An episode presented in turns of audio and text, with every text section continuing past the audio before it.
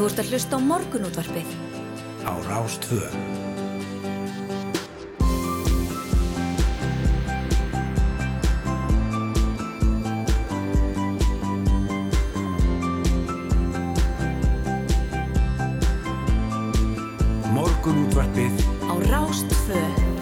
Jú, góðan blæsan daginn, hér tekur morgunútvarpið á stað fyrsta mándag eftir sveitastjórnarkostningar og það eru Snæra Sindardóttir og Yngvar Þór Björnsson sem sitja hér verða með ykkur til klukkan nýju. Jú, jú, mikil helgjað baki sveitasjónarkostningar, Eurovision, um, enski byggarinn og eflust margt fleira. Já, Köruboltinn. Köruboltinn alltaf, e, þannig að það er hérna nóg um að ræða, við ætlum að vera svona, ég ræða sveitasjónarkostningarna töluvert í, þætti dagsins. Já, einmitt, þær eru fyrirfæra mestar í þætti dagsins. Við skulum byrja því að segja frá því að það voru tvennum sögum með því ekki hvort að meirulda viðrar voru hafnar í Reykjavík og þá í hvora áttina, það er að segja til hægri eða vinstri, þar væru að hefjast, en við getum þú líklega slegið í fyrstu að þreyfingar á milli 8. starstu flokkana eigi sér stað í dag og hví ekki að hefja samtalið þeirra á milli hér í morgunutvarpuna mándagsmotni. Þau koma til okkar Hildur Björnstóttir, Dagur B. Eggertsson og Einar Þorstinsson upp klukkan átta. Jú, jú. En sveitastjórnarkostningarnar fara á spjöld sögunar mjög vegna mikil að sveiplu til framsóknarflokksins á landsvísu. Flokkurinn tvöfaldar fylgir sitt frá síðustu sveitastjórnarkostningum. Sveitastjórnarmönnum framsóknar fjölkar um 22 frá 2018 og þeir eru nú 67 en sjálfstæðisflokkurinn, miðflokkurinn, samfélkingin og viðreist tapa hins vegar sveitastjórnarsætum. Og við ætlum að ræða stöðu framsóknarflokksins og kostningasögur hans við Eirík Bergmann, professor í stjórnmálafræði. Hann kemur til okkar svona um kortir í átta. Emitt, og þessari sveiflu hennar að geta og ekki sett? Jú, emitt í Kópói hjælt meir hluti framsóknar og sjálfstæðisflokks. Það sem framsóknarflokkurinn emitt bætti við sem manni fór úr einum í tvo en sjálfstæðisflokkurinn misti eitt, fór úr fimm í fjóra og við ætlum að heyra í ástísti Kristjánsdóttur Ottvita sjálfstæðisflokksins í bænum um hvað tekur núna við. Emitt. Mm. Það var helst að merkja það að uh, þar sem að framsunarflokkurinn hefði verið í meirluta, þar gengi ekki jafn vel og annars þar sem hann hefði verið í minnluta. Uh, hvernig var þetta á Ísafjörði? Á Ísafjörði, já, þar er það ílistinni í Ísafjörðabæði sem hlut reynan meirluta atkvæði bænum eftir spennandi kostninganótt. Það sem er mitt meirluti sástæðisflokks og framsunarflokks var feldur og bæjastjórefni flokksins Arna Lára Jónsdóttir verður þannig fyrsta konan til þess að vera ráðin bæjarstjóri í sveitrafélaginu og við ætlum að ræða hana hérna í upphafið þáttar. Emitt. En það fjallu hátt í 9.000 atkvæði á landsvísu niður döð í sveitarsanarkostningunum á lögadag þegar hinn ímsu frambúð náðu ekki inn fólki í sveitarbæjar og borgarstjórnir. Sumstaðar var hlutfall þessara atkvæða afskaplega hátt og hvergi herran í hafnaferði þessum 17,5% greitra atkvæða fjallu til frambúða sem ekki náðu inn í bæjarstjórn en kjörsokn í hafnaferði var 59%. Eva Heiða Önnudóttir, professor í stjórnmálafræði við Háskóla Íslands, kemur til okkar til að rýna aðeins í þetta hlutfall ringin í kringum landið. Já, og séðan endur við þáttin eins og allar mánda á Íþróttunum. Já, hann Einar Örn Jónsson, Íþróttafrættamæður, kikið til okkar með allt það sem er að frétta eftir spennandi Íþróttahelgi og maður minn, ég horfiði á tindastól vali gær, Já. ég hef aldrei í lífinu Nei. séð annar eins körbóltaleg. Þetta var, þetta var störlun frá fyrstu mínútu. Já. ég get svo sagt það. Og það sem var magnaveginleik var að þú veist þegar spennustu ég verður rosalega hátt síðustu, ég kannski síðasta leiklutan jafnvel aðeins minna. Veist það verður bara alveg allt það spennustu helst frá fyrstu mínútu. Þetta var bara þetta sem ég held að væri sko, hún var ómanniskuleg þessi Já, barta, já, allan leikin fór í framleggingu og svo náður hérna með já, flautukörfu nánast uh, tindastólsmenn í lokin eftir að Valur hefði verið Valur var búin að vera yfir meira minna svona startan hlutuleiksins Já. náði hæst í tíu stega mun og gekk mjög vel, það var alveg augljóst að þeir voru að spila allt annan bolta þannig að hafa verið að leika í fyrstu þremur leikjum innvísins um, þannig að það er hreitn úrsluta leikur í, uh, á líðaranda á miðgudag Mjög spennandi og staðinett núna að ja, Tindastól hefur ekki tapað heimaleg Nei, í alla úrslitakefnina og, og eh, enda mikil heima völlur. já, Valur ekki heldur Já, einmitt. þannig að, hérna, Þetta þetta, er rosalega spennandi uh, mér skilst það að miðansala stups hafi bara já, átti eruleikum með að taka við uh, mannmerðinni sem að þanga þyrtist í gerðkvöldi þannig að hérna, uh, já, þetta verður virkilega, virkilega virkilega spennandi Já, nákvæmlega. Herðu, það er nú hittu þetta hér á fórsviðu morgunbladsins. Hér er til að mynda rættum það að um, Daví Bjækilsson, borgarstjóri, segir það eiga eftir að koma í ljós hvort hans borgarstjóra setu sé lokið. Hann útlokar samstarf með sjálfstæðisflokknum en er tilbúin í meirhluta samstarf með öðrum flokkum síðan hér. Við hefðum viljað sjötta mannin og að meirhlutin myndi halda mín eitthvað því ekki en fylgi samfélkingarinnar dróst saman í sveitarstofnarkostningunum á lögandag með við fylgi flokksins árið 2018 og flokkurinn tapaði tveimur borgarföldurum og fjall meirhlutin fyrir vikið. Já. Og að nú líka rættum þessar vendingari hjá vinstri grænum. En Líf Magnúi dóttir borgarföldur og flokksins tilkynnti strax í gæra flokkurinn muni ekki sækast eftir því að taka þátt í umræðum, eða viðræðum um meiri hluta samstarf. Flokkurinn hefur verið í meiri hluta í borgarstjórn undanfærin ár og fekk einn fulltrúa kjörn í kostningunum á lögdag rétt eins og árið 2018 hún segir hér að við vinstri græn heldum okkar borgarfulltrúa og það er gleðilegt en hins vegar eru niðurstöður kostningana veruleg vonbreiði fyrir okkur hún og og svona tók það fram að meiri hlutin hefði tapað tveirum, tveimur borgarfulltrúum og væri þar með fallin og saði flokksinn munu veita meira hlutanum málefnalegt aðhald á kjörtímabilinu. Einmitt, það er alveg rétt að, að, að meira hlutin tapaði tveim borgarfulltrúum annars vegar frá uh, Vafge og, og hins vegar frá Viðreist uh, líka frá samfélgingunni en Pírata bættu eins og við sig einum og var eini meirhalduflokkurinn sem að bætti við sig einhverju, fenguð þrjá borgarfulltrúa. Vinstri græn eru minnsti flokkurinn sem að náði manni inn hins vegar með 4% minni heldur en flokku fólksins uh, og minni heldur en sósjálistar sem að bættu við sig og fengu uh, tvo menn inn 7,7% sem að er að baka þann flokk uh, og hún Sanna, hún var líka svona á útlokana buksunum að þessi ger Já, nefnitt, útlokað að vinna með e, já, svona hæri flokkum getur við sagt. Já, nefnitt, það er uh, hún útlokar að vinna með sjálfstæðisflokki og viðreist en uh, hún útlokaði ekki framsóknarflokkin eins og verð Já, sínum nú tölverður rætt um kjörsótuna hérna og það gert það í, í morgunblæðinu kjörsótni Reykjavík í þessum borgarstjórnarkostningum var 61,1% og dróst mjög saman frá síðustu kostningum árið 2018 þá var kjörsótt 67% og eftir að ný kostningalög tóki gildi í byrjun ás fjölgaðins ár kjósundum á kjörskrá um rúmlega 10.000 í borgin en verður að nefna að bara 1000 fleiri greittu atkvæði í kostningunum í ár enn árið 2018 mm -hmm. en það var Reykjanesbær sem dró vagnin með lögustu kjörsótninuna en aðeins 47,1% fólks á kjörskrá greitti atkvæði á lögadag samanborið við 57% í bæjastjórnarkostningunum fyrir fjórum árum sem er samdráttur upp á næri 10% stig og í kostningunum 2018 var Reykjanesbær einning með lögustu kjörsóknina á landinu. Emitt. Áforðulegt. Guðmundur Átni Stefansson, óttið samflingar í Hafnafjör, ferði hefur óskæftið því við óttið framsóknar í bænum að þeir flokkar hefi viðræður um myndun nýst bæjastjórnar meira luta. Þannig að það er svona kannski já, helstu tíðindi enn sem komið er úr þessum uh, sveitafélugum við liðin og Reykjavík. Já, nákvæmlega. En við ætlum að fara að skipta yfir á fréttastofuna klukkan 7, síðan ætlum að fara betur yfir veður og færð og síðan eru það uh, já, úslitt kostningana á Ísafjörði. Já. Þú ert að hlusta á morgunútvarpið á Rástvö.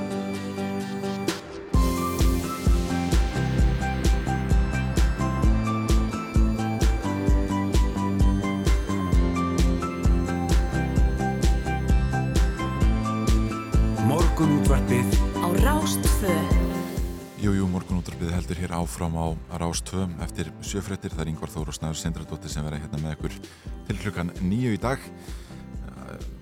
Mikil helgi að baki um, og við ætlum til að ræða sveitarstofnarkostningarnar hér í dag. Um, við ætlum að byrja á Ísafyrði þar sem í listin hlaut hreinan meira hluta atkvæði bænum og um, það er náttúrulega fyrir meira hluti sjálfstæðis og framsundarflóð sem var feldur Emitt. og við ætlum að ræða við Örnul Lárum Jónsdóttur sem verður fyrsta konan til þess að vera ráðinn bæjarstjóri í sveitarfélaginu.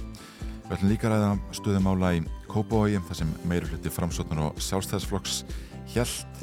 Framsóknarflokkurinn bætti við sem manni fór úr einum í tvo en sjálfstæðisflokkurinn misti einn, fór úr fimm í fjóra og við já, fáum til okkar Ástýrsi Kristjánsdóttur, hún er oddviti sjálfstæðisflokksins í bænum og við ætlum að ræða við hann um hvað tekur núna við þar. Emitt. Sveitastjórnarkostningarnar eru fara líka í áspjöld sögunar vegna mikillar framsóknar sveiflu. Við ætlum að ræða þá sveiflu við Erik Bergmann, professor í stjórnmálafræði og svo fáum við oddvitana í ást þreymur stærstu flokkurum hér í Reykjavík til okkar klukkan 8. Það eru þau Hildur Björnsdóttir, Dagur Bjeggertsson og Einar Þorstensson. Við ætlum líka að ræða þau atkvæði sem fjallinu döið á landsvísu en það voru til dæmis 17,5% í hafnaverði töluvert við hana Efu Heiðu Önnudóttur, professor í stjórnmálafræði við Háskóla Íslands og svo voru það Íþróttur Helgarnar. Já, nákvæmlega, ég sá fæslu hjá stjórnmálafræðingi og hagfræðingi held ég á Facebook í gerð sem áverðum þetta að reikna út þessi dauðu atkvæði Já. og bara þetta saman við hvernig þetta væri ef kostningarna væri í, í Nóri eða Svíþjóð það sem bæjarfulltrúar eru fleiri Mm. e, og, og auðveldar að koma manni inn e, þannig að þetta er að, mögulega að einhverju leiti svona hérna, ég segi ekki sér íslenskt en, en svona fylgir þessu íslenska kerfi að það er tölvöru fjöldi atkvæða sem fellur döði niður Já, einmitt, uh, það, það er það og, og hérna, en það fer líka svolítið eftir hversu, margi, hversu mörg sætir í bóði og það er einmitt auðvitað misast eftir, eftir uh, hverju sveitafélagi fyrir sig. Já, það er nákvæmlega málið og það verður áhört að ræða þetta við ef við heiðum önnudóttur hérna um eh, svona hálf nýju, Já. eitthvað svo leiðis Algjörlega. en síðan er við erum færð Já, á ég annað að segja verið, sko, ég gekk hérna upp á útarsúsinu í dag og alltaf að lýsa yfir að sumarið væri mætt. Já, Um, í hugleðingu viðfræðing segir hins vegar þessi austan og suð, austanáttu dag strekkingur og all kvast syðst en annars talsvægt hægari vindur. Við og þurft og bjart en skíð og daldil sund eða þókalöft um landið suðaustanvert. Hiti 10 til 18 stig en 5 til 10 við austurströndina. Og þetta hljómar svona ekkert þetta, er, engin, engin lofirði um hérna veðrið en ef maður skoða kortið hins vegar þá eru ótrúlega hluti framöndan, það er ótt að segja það. Uh, hér á hádegi er heiðskýrt á norðaustur hluta landsins og, og uh, bara öllum sko 15 gráður, Já. 4 metrar á sekundu og heiðskýrt í- á Húsavík. já, já, 16 stíð á Húsavík í dag mest Emitt, þú getur rétt ímyndaðir hvað það verður dásanald og svo eftir því sem að líður á kvöldi þá færist sólinn á miklu starra svæði. Við fáum heiðskýrt hér á Suðurlandi, uh, það verða 12 til 13, já, 13 stig eitthvað svo leiðis hér á Hvanneri uh, og uh, 15 stig í Reykjavík þó að verði létt skíðað en ekkert mjög mikill vindur þannig að þetta er bara indislegt viður. einmitt. Og verður það í rauninni alla vikuna? Það verður svona já, mjög hlýtt en ekkert endilega sól. Nei. og svona fáum einhverja, einhverja rigning onni í þetta. En það má kannski geta þess að jörð heldur áfram að skjálfa næri eldverfum á Re- á Reykjaneska norðvestur af Grindavík. Um 800 jarðskjáltar hafa mælst þar frá því að hrinun hóstum klukkan half 12 í gerð morgun og það er að minnst 8 af stærðinni 3 og þaðan af öflugri og sá stærstim 4,7 stærð vað klukkan eh, já, 17.38 í gær og fannst víða á suðvesturhorni landsins. Og eitt skjálti hefur mælst um, yfir uh, þrjúa stærð uh, frá miðnetti sínist mér hér. Nú um, almannavarnadelt Ríkislauruglustjóra lísti í gerkvöldi yfir óvissustíðum vegna skjáltar hinnunar rúmum fjórum mánuðum eftir að óvissustíði vegna jarðskjáltar hinn á sömu slóðum var aflétt og vegfærandur á þessu sværi, svæði eru varaðir við hætta á grjótrunni og skriðum í bröttum hlýðum þegar jörð skjálfur e, Einmitt. og það er hérna stórgótt viðtal við Kristínu Jónsdóttur hópstjóra náttúruvárvöktunar hjá Viðstofu Íslands á VF Rúf sem segir atbyrjar á sinna ekki ósvipaða og í aðranda gossins í Geldingadölum Já, hún segir að, þessi, uh, þetta sé að öllum líkindu vegna kvikusöfnunar. Já, einmitt. Það er nú ekki mikið af tilkynningum á vegagerðarinnar hér í morgunsárið. E, vegfærandur eru varaði við mjög slem ástandi vega í Dölunum í, e, já, í Reykjólasveit. Það er unnið að viðgerðum. Þau reytum hér á Vesturland. Á Östurlandi eru hindir víða á ferði vegur og vegfærandur beðnir um að hafa það í huga og aka með gát og á hálendinu er e, frost að fara úr jörð og hálendi sveir því viðkvæmur og bera ekki umferð og það má sjá upplýsingar um akstur spann á hálendi sveijum uh, vegum á vegagerðarinnar. En það er spurning hvort við fáum uh, fyrsta lagdagsins þetta er lagið 5 með Bríett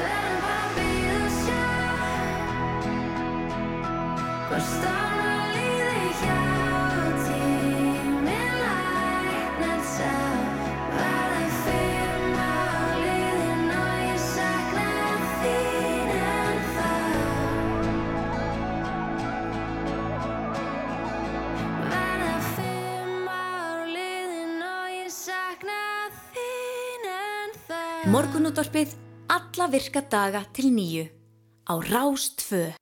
Jújú, þetta ekki þetta, þetta var Bríett með lagið 5. Já. Ég sitt ég að snæður Sundardóttir og Yngvar Þór Björnsson. Við ætlum að fara að ræða sveitastunarkostninga þar til skamastund. Jú, jú, einmitt, við rættum nú örstuðt hérna áðan e, skjáltarhjörnuna á Reykjaneskaga Einmitt? og náttúran, hún leikur við okkur þessa dagana, það er út að segja það, e, sko Íslendingar gáttu barið almirkra á tungli augum í nótt. Já. E, ég var nú ekki vakandi þarna klukkan hálf þrjú e, þegar þetta var í hámarkið með skilst að veður skilirði hafi verið til dæla góð til að sjá þetta Mm.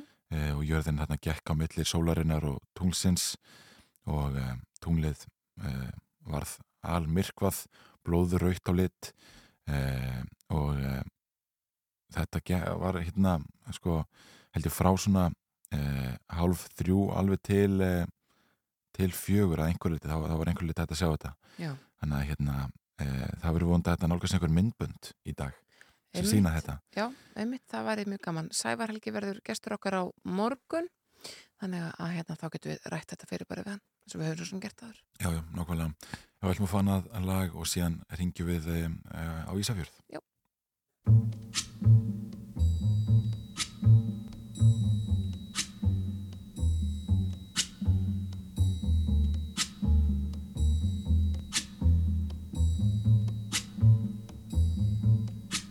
When the night has come and the land is dark and the moon is the old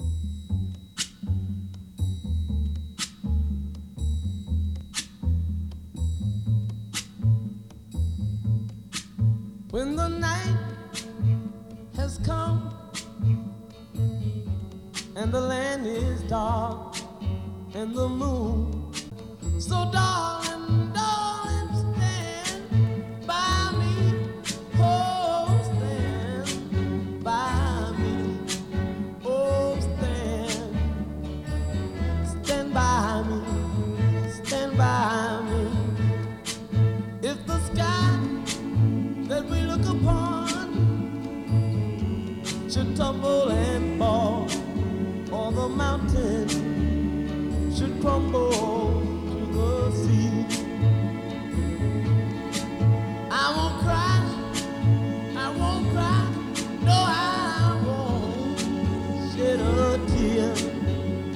Long as you stand, stand by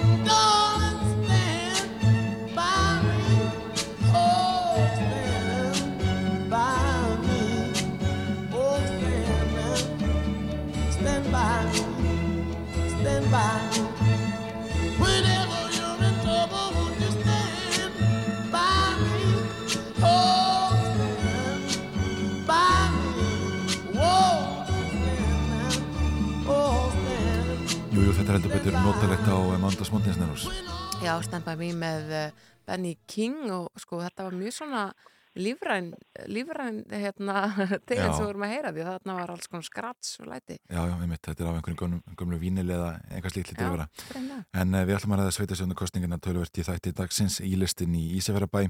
Hlaut hreinan meiri hluti atkvæði bænum eftir spennandi kostninganótt. Þessi meiri hluti sjálfstæðis og framsóknarflokks var feldur. Og bæjastjóraefni flokksins Arna Lára Jónsdóttir verður fyrsta konan til þess að vera ráðin bæjastjóri í sveitarfélaginu og Artur komin á línuna. Góðan daginn. Já, góðan daginn.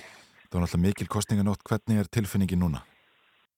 Hún er bara svakalega góð og hérna, það er bara eins og sumar að hafa komið, bara eftir hérna, eftir hérna frekar erfitt vor viðlega sér, þannig að sumar að hafa komið og við erum bara svakalega glöð og tilbunni í þetta verkefni. Já, Sko það eru auðvitað að gera kannanir viðast hvar en, en ég menna var eitthvað sem þið gáttu séð fyrir í þessum efnum, vissu þið að, að eitthvað takist að fella meirlutan og, og þú erið bæjastjóri eftir nóttuna?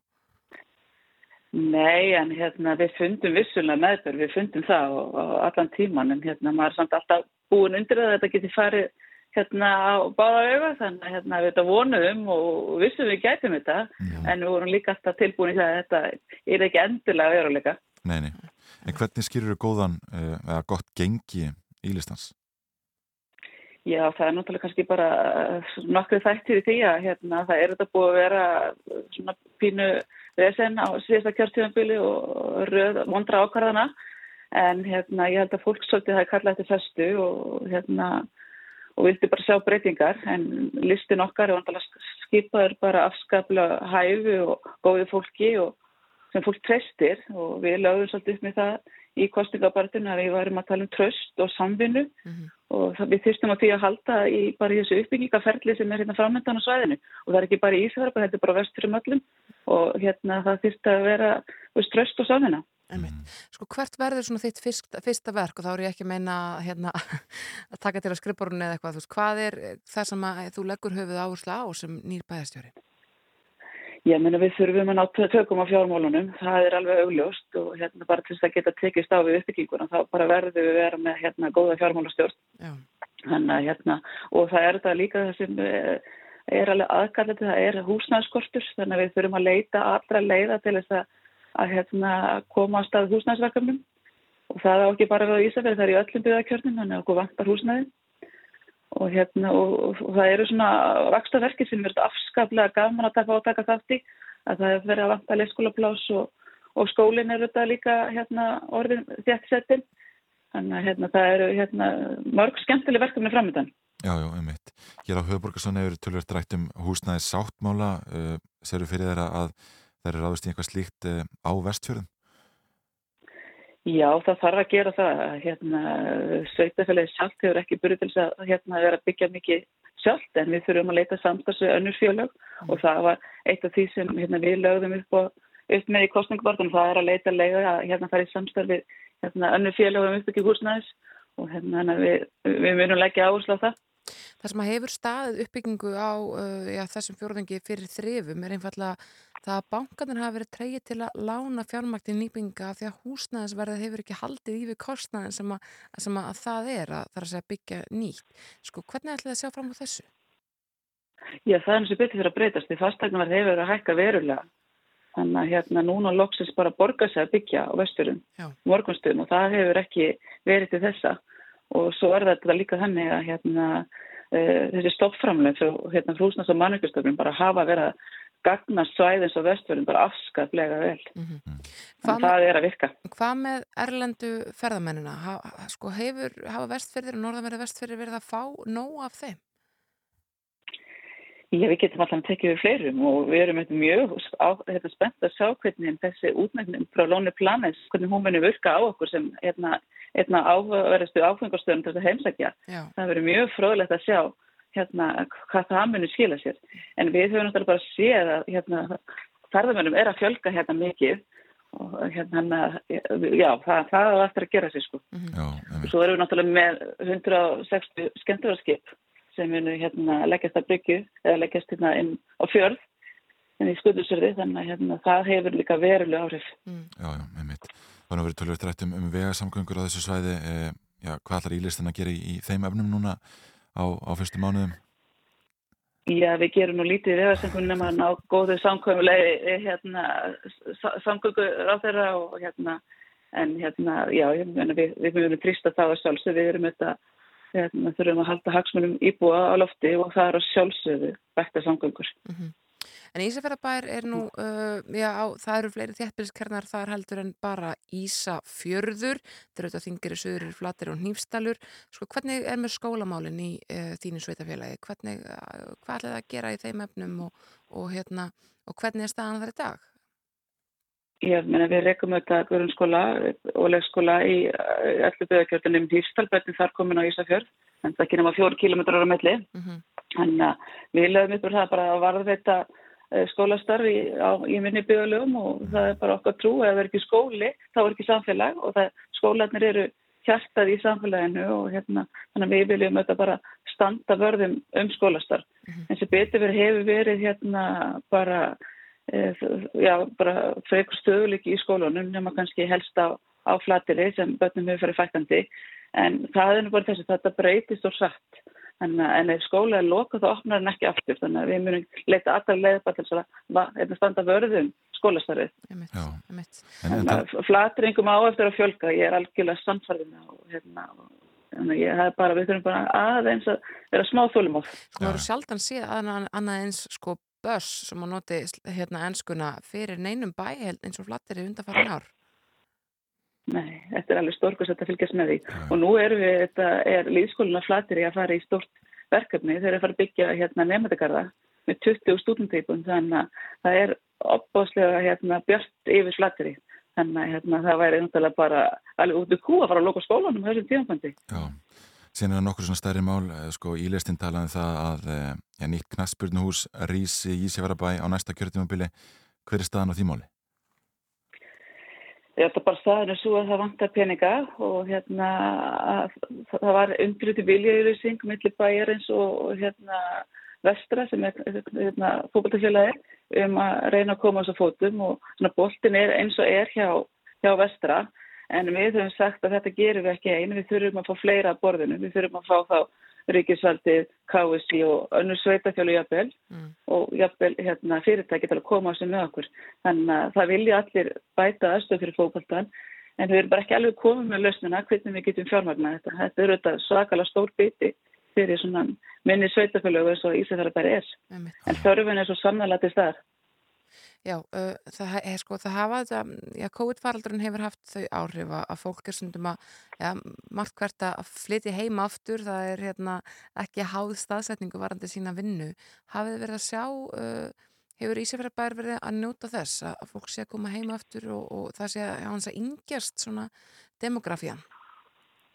Já, heldur betur og hérna við erum hérna, það hefur að vera að opna svona skrifstuð aðstöður einmitt fyrir til að taka móti fólki sem tekur störfi sinni með sér og bara reku sér til dæmis bara núna næstu dögum og opna skrifstuðu hótel á Ísafjörði en áður var þetta blábankin á þingari og skúrin á, á flatir sem er einmitt hérna, til þess stopnu til þess að taka móti fólki sem tekur störfi sinni með sér en hérna við hefum bara séð þessa þróun núna síðustu árin sem er bara afskaplega ánægilegt. Þannig að þú getur bara starfa hver sem er og, og hvað er betra en að hérna, geta búið og, og flattir eða þingari eða ísafyrði og hérna, notið þeirra náttúru sem hér er. Já, já, nákvæmlega. Þannig að staðin ekki skipta þessi máli. Nei, nei, ég held að þetta sé ágætis lokavarð Arna Lára Mjónstóttir Nýr, bæjastjóri í Ísafjörðabæ. Takk fyrir að vera á línni. Já, takk fyrir samtalið og hafið það gott í dag. Já, sem leiðis. Við ætlum að ræða stöðin í Kópói hér eftir smá snurus, en uh, fyrst eitt lag, uh, You and I, með Wilco og Físt og síðan ætlum við að fá fréttafilitt frá fréttastofur úr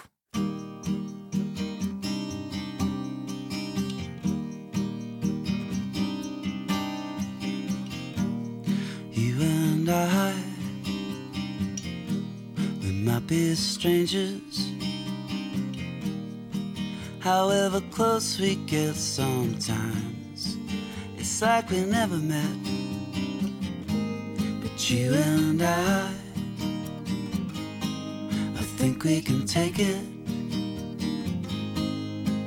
All the good with the bad, make something that no one else has but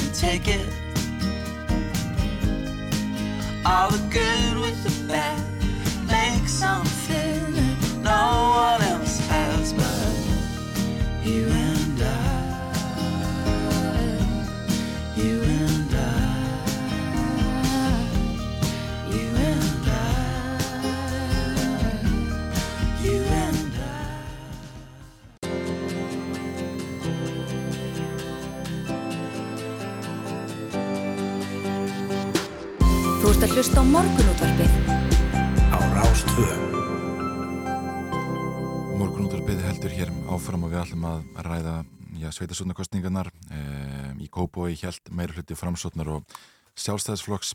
Það sem framsotnarflokkurinn bætti við sem manni fór úr einum í tvo en sjálfstæðisflokkurinn misti einn, fór úr fimm í fjóram og Ástís Kristjánsdóttir. Oddvitið sjálfstæðisflokksins í bænum er komin inga til okkar, góðan daginn. Já, góðan daginn. Sko við byrjum bara þar að vantla vombriða að missa fymta mannin Jú, auðvitað er það það og markmið okkar var alltaf að halda okkar að fymta manni inni. En, en hérna við auðvitað bara þetta er niðurstaðan og við erum áfram langstærsti flokkurinn í Kópavogi og eins og þú nefndir réttilega þá heldur meiri hlutin þannig að, að við getum auðvitað líka, við erum alveg sátt með þessa niðurstöð. Já, verður þá ræðið við framsotnum að halda þessu meira hluta samstarfi áfram Já, það er svona, blasi við að er fyrsta skref að, að kanna hvort að, að það sé grundöflut til að við getum haldið áfram, uh, starfa áfram sem meiri hluti, þannig að, að það má segja að þessar viðræður eru svona óformlega hafnar. Var það samtal hafið fyrir kostningar? Vissuðu þið að, að þetta væri svona, eða þið væri bara sátt þar sem þið værið uh, áður en að gengi var að kjörborun?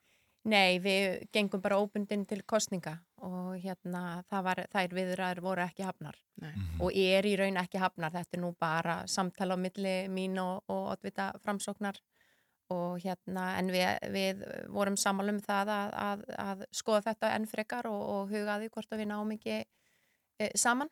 E, það er nú ekki svona áherslur okkar eru álíkar þannig að áþekkar þannig að það er kannski eðlilegt næsta skref að, að við skoðum þennan möguleika. Já, já, vini Kópavóks fá þarna fleiri atkvæði reyndar enn en framsotnarflokkurinn kemur ekki til greina að, að starfa með þeim Við verðum bara að skoða það eins og ég segi, við erum núna að, að eh, ræða við, við framsókn en, en það er auðvitað alveg rétt, við inni Kópavóks fá þarna talsvert mikið fylgi. Mm. um, og við hérna sem erum í, á lista sjálfstæðisflokksins við erum vel flest ný.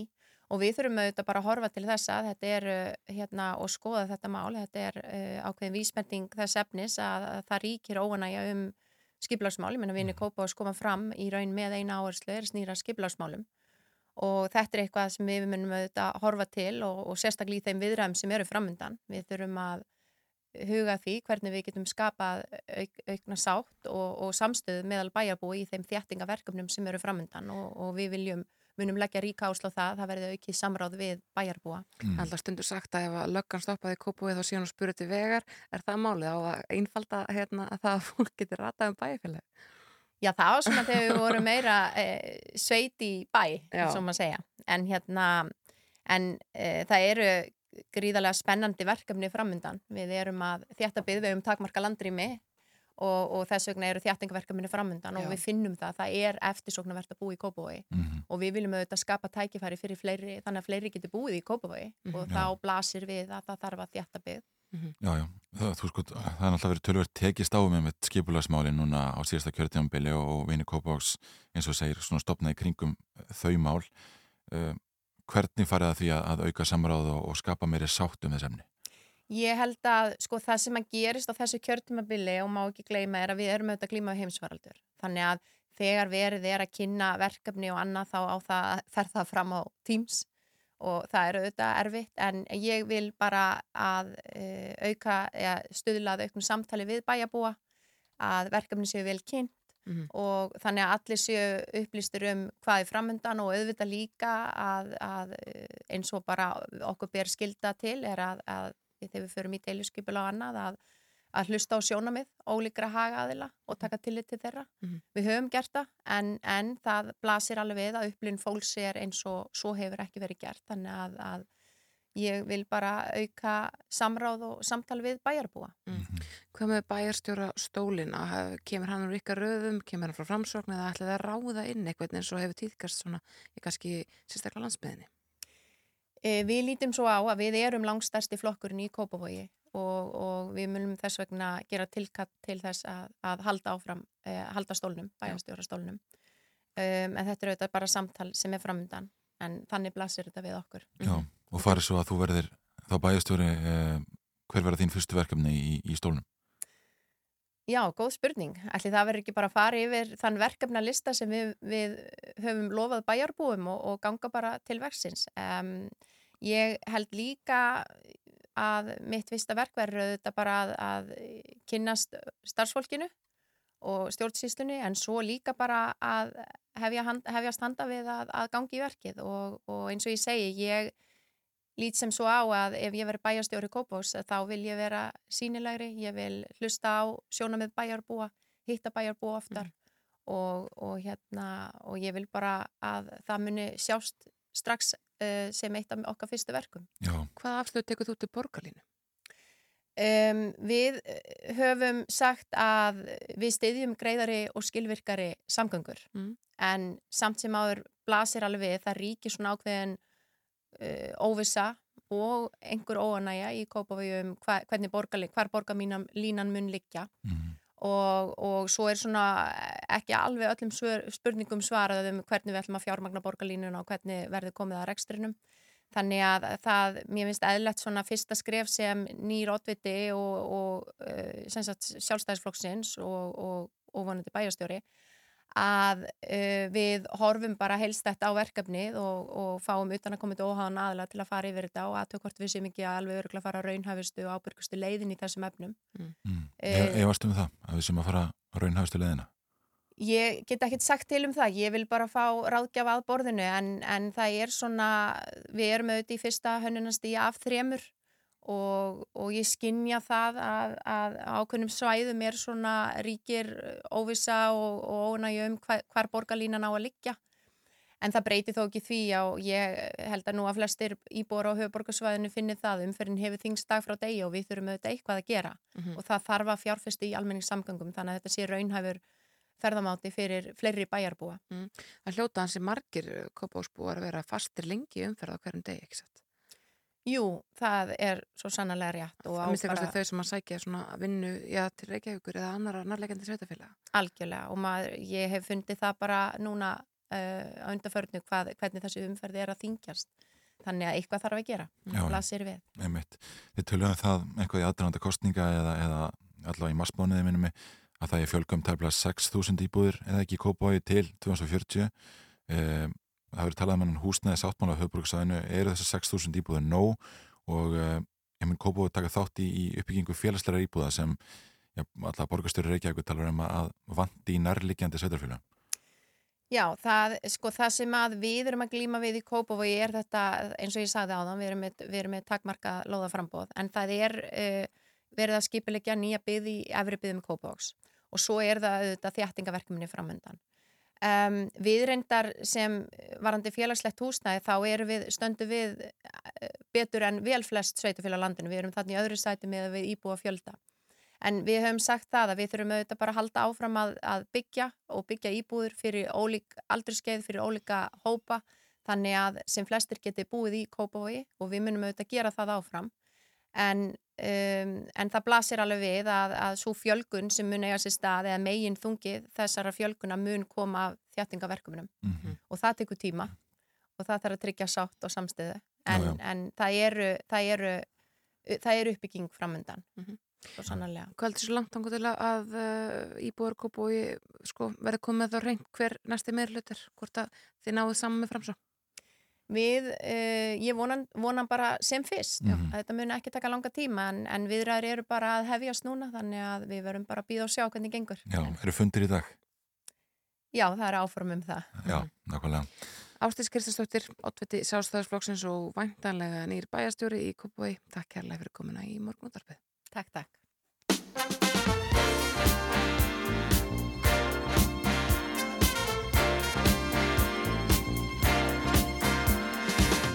In sharing this one and only life? Ending up just another lost and lonely wife. You count up the years,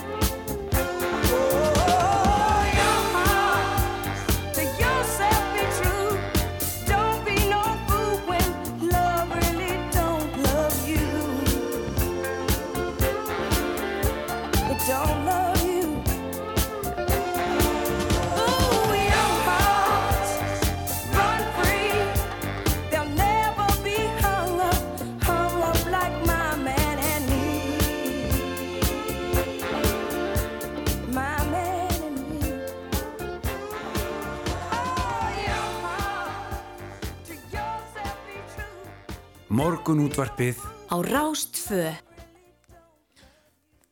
Jú, við ætlum alltaf áfram að ræða sveitasvöldnarkostningarnar hér í morgun útvarpinu en sveitasvöldnarkostningarnar 2022 fara á spjöldsögunar. Ég vegna mikillar framsóknar sveiblu getur við sagt á landsvísu. Flokkurinn tvöfaldar fylgir sitt frá síðustu sveitasvöldnarkostningum. E, sveitastjórnar mönnum framsóknar fjölgar um 22 frá 2018 og þeir eru nú 67 en sjálfstæðsflokkurinn, miðflokkurinn, samfélkingin og viðreist tapa hins vegar sveitasvöldnarsætum og Eirikur Bergmann, professor í stjórnmálafræðir hinga komin, góðan daginn. Já, góðan dag. Hvað skýrir þessa mikla framsóknar sviblu? Já, það er nú það. Við sjáum auðvitað að þetta er áframhald inn í sveitastjórnarkostningarnar af þróun sem að hófst í aðdraganda þingkjörs og heldur bara áfram að mjög miklum krafti og kannski eftir tekt að verðast að hvað flokkurinn breyðir úr sér á höfuborgarsvæðinu, bæði þingkostningunum og svo kannski sér í lagi e, núna. Og þetta eru þetta umbreyting á stöðu flokksins sem að var nú nánast að hverfa úr höfuborginni fyrir ekkert svo margt löngu, var orðin svona nánast reynræktaður landsbyðarflokkur og og kannski einhverjir sem voru fannir að tala um hann sem að náttröll í íslensku stjórnmálum sem að myndi einhvern veginn daga uppi og ætti gerindin í samtíman og svo framvegis og hann blokkurinn hefur algjörlega afsannað þetta og umbreyst um mjög mert og ég held að séu nokkri hlutir á ferðinni. Það verður þetta, þetta mikla sko, uppgjör í framsvonarflokknum. Framsvonarflokkurinn eins og sumir aðri flokkar sko lendir í gríðalegum öldusjó eftir, eftir hrun og það tekur við bara algjörlega ný fórusta í flokknum. Uh, fólk sem að kannski uh, hafði ekki verið í stafni flokksins áður Sigmundur Davík Gullaugsson verður formaður. Og síðan ger, gerist þetta uppgjör sem við tekjum á milli fransunarflokksins og, og miðflokksins, milli Sigurðar Inga og uh, sem að skorar Sigmund Davíð Hólm verður formaður. Og í kjálfærið því hefst einhver svona ný vekkferð frá Sjónflokksins ef að svo má segja. Mm.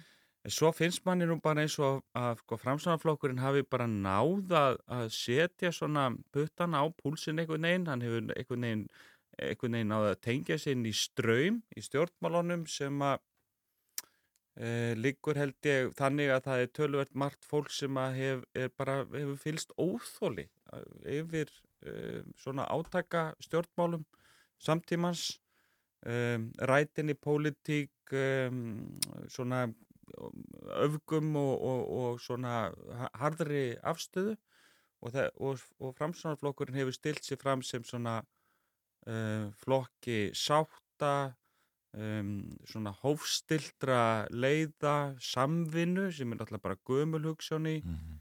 í, í flokknum og síðan hefur komið tölvert af, af, nýju fólki þarna inn þannig ég held að þetta svona aldrei leggist á eitt við það að, að flokkurinn rýs svona upp og, og verður næstu því fær svona á sig ferskan andblæð þessi gamli flokkur mm -hmm. um mjög margt. Sko framsunarflokkurinn verðist vera eitthvað bara kameljón í íslenskum stjórnmálum og auðvitað fyrir tveimur áratugum eins og þú ferð mm. sko stutlega yfir þá sjáum við að flokkurinn fer frá því að vera með Gunnar Ágúrsson í stafni, við sjáum Jón Sigursson Já. sem sé var sælabankastjóri Valgerur Sverrestóttir, þetta voru svona helstu leikmenn og emitt svo umberðist þetta yfir í, yfir í Seymund Davíð og, og mm. Sigurur Ingi tekur þetta við eftir vindris og allt í hennu er þetta orðið flokkur sem er best fyrir börnin Hva, hvað hérna, hvernig fer þetta er einstakт í íslenski pólitík ekki satt mm.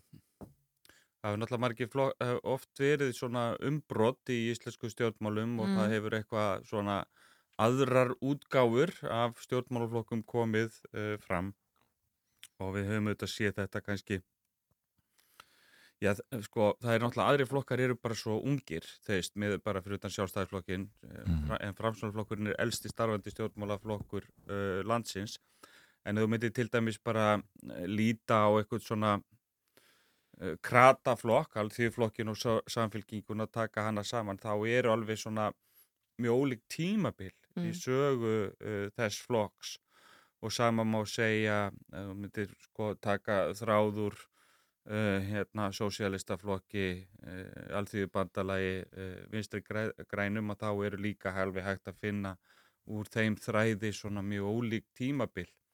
En það er held ég alveg rétt hjá þér sko að framsvarflokkurinn hann, þetta hefur verið svona umbreytingasamt skulum við segja Gríðarlega. og flokkurinn hefur svona, já, það er svona ákveðin svona, hefur verið svona ákveðin amaba, hann getur tekið á sig svona mynd uh, samtímans uh, hverju, hverju sinni, en mér finnst þetta rauninni stórmerkilegt að hvað flokkurinn hefur, hvað honum hefur tekist að endurskapa sig. Og ég myndi segja að þetta væri nú þrátt fyrir allt svona trút einhverjum grundvallar gildum um, flokksins, svona miðjusækni um, hugmyndir um ymitt uh, samvinnu og, og svo framvegis en þessi svona algeri landsbyggðar uh, vingill, hann er ekki eins svona uh, já, ekki eins skýr núna, þetta er orðið hann er framstæðanflóknum við tekist að, að færa sig yfir á mölina sem var nú talað um lengi vel að það væri svolítið, já, það væri freka grýtt leið fyrir hann í bæinn.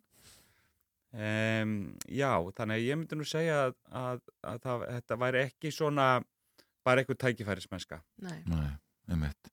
En, en er sko framstæðanflokkurinn enn flokkur landsbyðarinnar eða er að skapa svigurum þar fyrir annar flokk til að koma inn? Ég held nú að framstæðanflokkurinn haldi mjög fast í það að vera uh, uh, að vera flokkur landsbyðarinnar og áhersla flokksins er augljóslega á landsbyðina. Það er svona meira eins og að, að flokkurinn hafi verið að tegja sér til uh, höfuborgarinnar. Mhm. Þannig að ég sé nú ekki mikið rými eh, endilega fyrir aðra flokka. Ég menna miðflokkurinn hefur sko, sannlega reynt það og stilt sér fram sem miklum svona uh, valkosti fyrir uh, landsbyðina og, og rýður ekki feitum hesti úr viðregnum við fransanflokkin, hvorki í þingkostningum nýja í þessum kostningum núna.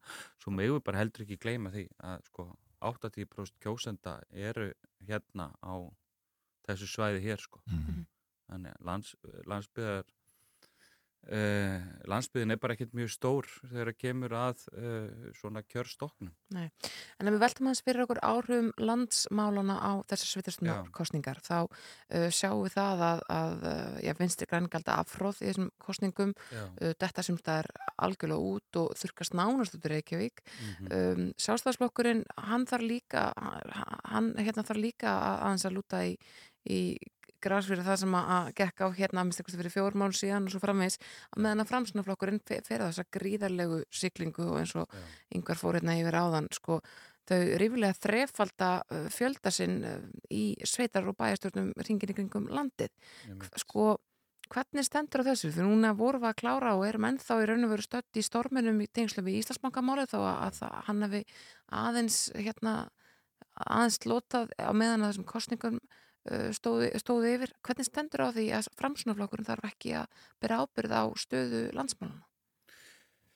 Sko það er rétt að það blæðir alltaf svo litið á milli, Mm. mm. svona stjórnmálun á landsvísu og svo hvernig eh, kjörið er í, í héraði heima fyrir. Það er svona mismikið og það er ekki alltaf auðvelt að henda reyður á nákvæmlega hvernig samspilið er. En þú- tekur sko framsvonarflokki núna og berðan saman við það sem var fyrir fjórum ára, þá er náttúrulega einn vingill þarna sem er algjörlega augljós og munur á honum og hinnum flokkonum er það að hann getur upp hérna uh, sveitastjórnar uh, menn miðflokksins Já. og það er náttúrulega munur uh, þarna á milli. Miðflokknum gekk alveg bara nokkuð vel í senustu sveitastjórnar kostningum þannig að, að, að það, er, það er eitt af því sem er að gerast. Síðan held ég að sé þannig að uh, þessi, þetta, það er nú rauninni bara eitt mál sem að hefur svona yfirtekið allt í þessari uh, umræðu og það er salan á Íslandsbanka.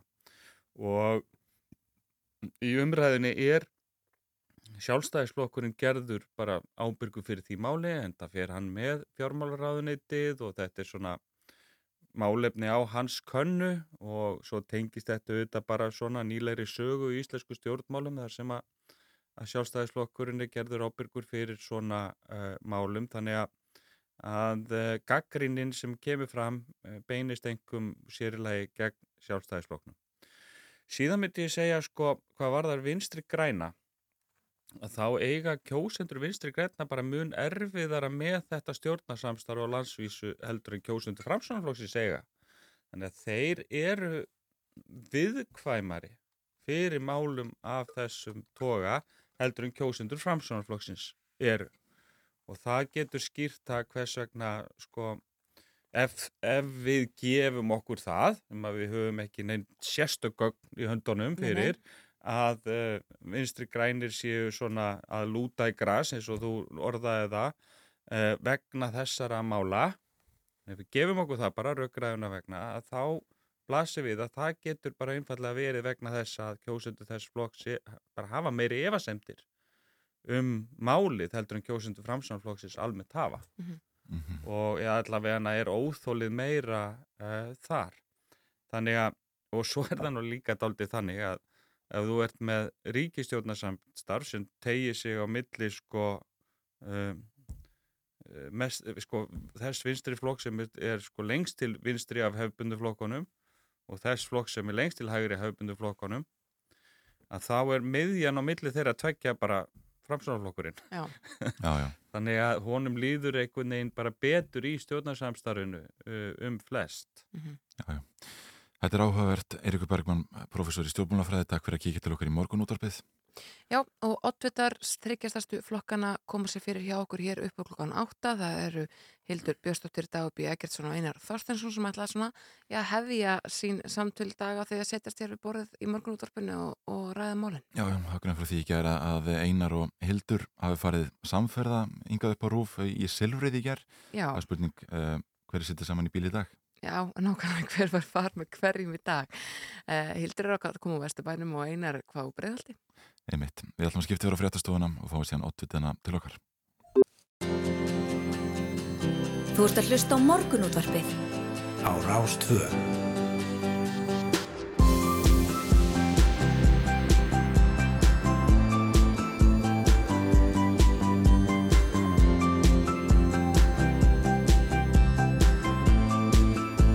Rástvö. Morgunútvarpið Á Rástvö. Jú, áfram heldum við hér í morgunúttarpan á Rás 2.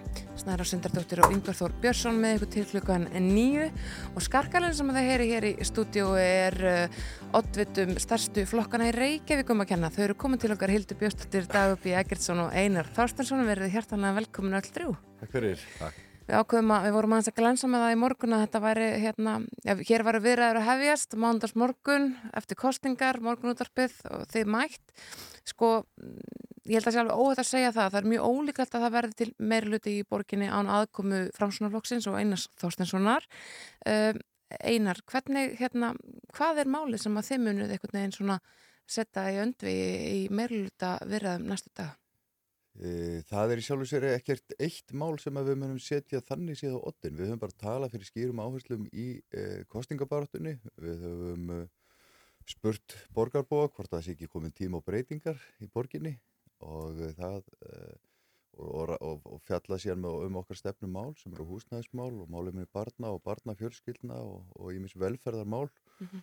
uh, og samgöngumál, sundabraut og fleira og þetta eru breytingarna sem við buðum kjósundum upp á uh, og uh, buðum kjósundum upp á þann valmöguleika að, að kjósa framsókn og þá knýja líka fram breytingar á einu pólitísku fórustu í borginni og uh, þetta er bara það sem við leggjum á borðið. Uh, við erum tilbúin að starfa með öllum og uh, ég hef í hyggju að því ég veit nú að þú ert að fara að spyrja um það hva, í hvaða átt við ætlum að, að halla okkur. Við erum bara tilbúin í samtal við alla flokka og mér finnst mikilvægt að að, uh, að sína kjósundu þá virðingu er mitt að ræða við alla flokka og ég ætla nú bara í dag að heyra í uh, sem flestum uh, oddvitum. Mhm. Uh, þetta verður samstarfsfólk mitt og ég er nýr í þessum borgarmálum þannig að mér langar að byrja bara þannig og nálgast þetta mál bara af, af uh, þetta verkefni bara af, af uh, svona ákveðni einlægni ég vil heyri fólki og hérna og þetta snýst um málefnin. Um, þannig að þannig og þessar viðræður eru ekkit hafnar. Uh, ég tók bara daginn í gær til þess að heyra í mínu fólki. Uh, þetta kom okkur mjög skemmtilega og óvart að sjá hvað kjósundur tóku vel í okkar frambóð og það er mikilvægt að, að framsók standi vel saman í þessu og, og ég vildi heyra hvað þeim fyndist um úrslitin. Mhm. Þannig að dagurinn í gær fór svona daldið í það uh, en ég stefna á það að heyra í átvitum annara flokka í dag og við Hildur og, og Dagur og Dóra Björn höfum nú reyndar verið saman hérna nánast bara frá, hérna, eh, frá því að þessum úrslitum, eða frá því að þau komu eh, í ljós. Sér hvort annað meir en börnin ykkar Já, í raun og veru í viðtölum og svona, þannig að hérna, þannig að svo sem ekki langt á milli okkar allara. Já, Dagur, hvernig líst þér á einutalunum það að sko þetta formulega samtal sér kannski ekki hafið hefur þú rætt við núverandi meira hluta? Já, við nýttum líka daginn, gerðdaginn vel manni líður einhvern veginn eins og það sé mjög langt frá kostningum af því að veginn þetta, sunnundagur var nokkuð langur en, en við hittumst líka eh, oddvítar fráfærandi meirluta eh, til að stilla saman strengi eh, og hafðum talað um það fyrir kostningar að, að gera það hvernig sem færi og og það var bara mjög gott samtal. Eh, þar að vísu eh, sagði Líf Magniðundóttur okkur frá því að, að eh, Vafge myndi ekki vera taka þátt í, í meirhutasamstarfi og, og það lagi fyrir eftir, eftir fundahöld þar sem að út af fyrir sig fækkar aðeins valkostunum en enga síður að þá höfum við Dóra Björn og Þúrdís Lóa hérna talað um það að fylgjast að í viðraða næstu daga og teljum að, að eins og áður og það er svona mín personlega reynsla að það er það er gott að hafa uh, breiðan meirluta uh, að því gefnu að fólk sé svona samstíga og sammála um megin línur mm -hmm. Hildur, uh, þeir eru eitthvað ný þeirri stöðu að það hafa svona ymsir flokkar útlöka samstarfið ykkur þannig að ef að um, ef þið ætla að mynda meirilega til dæmis með framsókn þá þurfum við að taka minnstakosti tvo aðra flokka inn sem að til dæmis getur verið um, já, það kemur nánast ekkert annandi greina heldur en viðrist og flokkur fólksins hvernig finnst þér svo staða? Lýður ykkur eins og þið séu með bakið uppi vekk?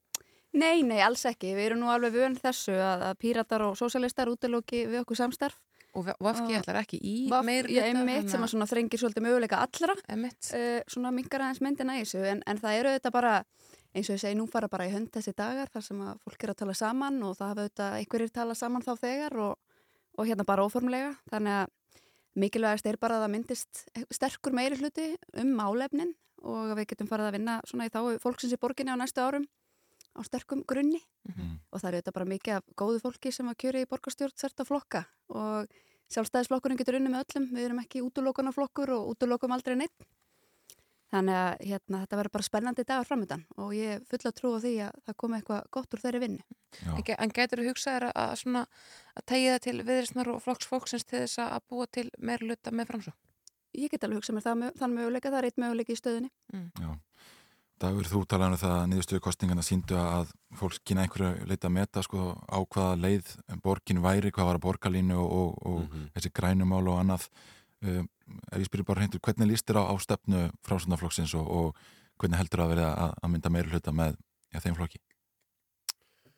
Uh, já, fyrst vil ég nú bara hérna, ítrekka hérna, árnaróski til frásundaflokksins uh, framsók, píratar, sósélista bæta við sig uh, en, en það er alveg rétt að, að maður horfir á stefnur flokkana þar meðal framsóknar að að þá, þá er yfir 60% stuðningu við flokka sem að voru að taka undir borgarlínu voru að uh, hérna, styðja samgöngusáttmála höfuborgarsvæðisins og, og leggja áherslu á húsnæðisuppbyggingu og mikla húsnæðisuppbyggingu uh, sem, að, sem er allt svona kjarnamál okkar og, og ég tók eftir því og, og hérna og rósaði því í baróttunni að mér fannst fransnaflokkurinn Uh, hveða mjög skýrt að orði varðandi þetta. Var alveg kristaltær, alveg frá fyrsta degi.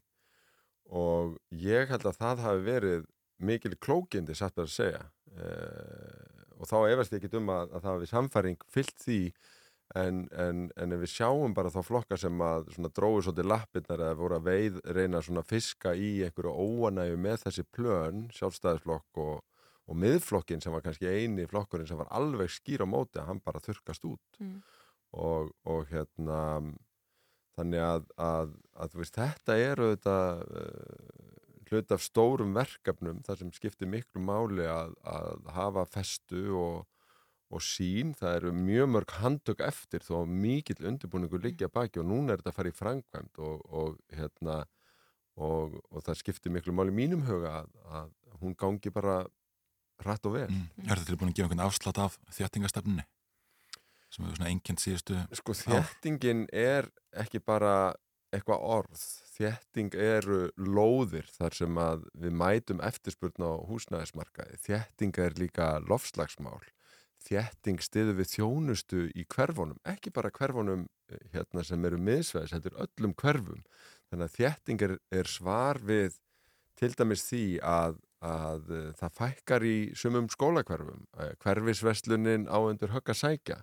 Þannig að þjætting getur átt við, eins og til dæmis einar hefur réttilega uh, bent á, á kjalanessi, þar sem kleberskóli er orðin fámennur Mm.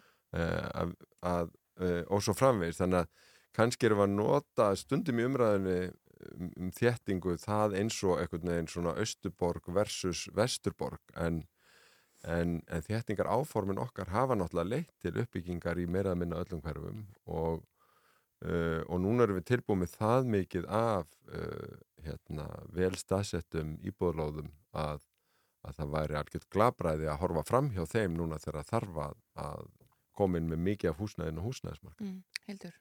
Já, mér finnst þetta svona svolítið áhugaður greining uh, því ég er ekki alveg sammálinni. Um, ég, finn, ég, ég myndi segja að lang flestir flokkar sem buðu fram og náðu árangri í þessum kostningum að því hér er talað um samgöngusáttmálan, stiðja samgöngusáttmálan og það gera sjálfstæðismenn líka og við höfum fagnað honum hreinlega. Það sem við höfum hins vegar alltaf gert fyrirvara við og haft áhugjur af að því við erum hægri flokkur og við tölum mikið um ábyrg fjármál er við af því að það eftir að klára fjármögnun á helmingnum að þessum sáttmála og að við viljum fá ekstra rátlun fyrir borgarlínu. Það er svona okkar hérna, tveir fyrirvarar og það er bara byggir á því svona á okkar DNA sem stjórnmálaflokki að huga alltaf að, að þessum þáttum.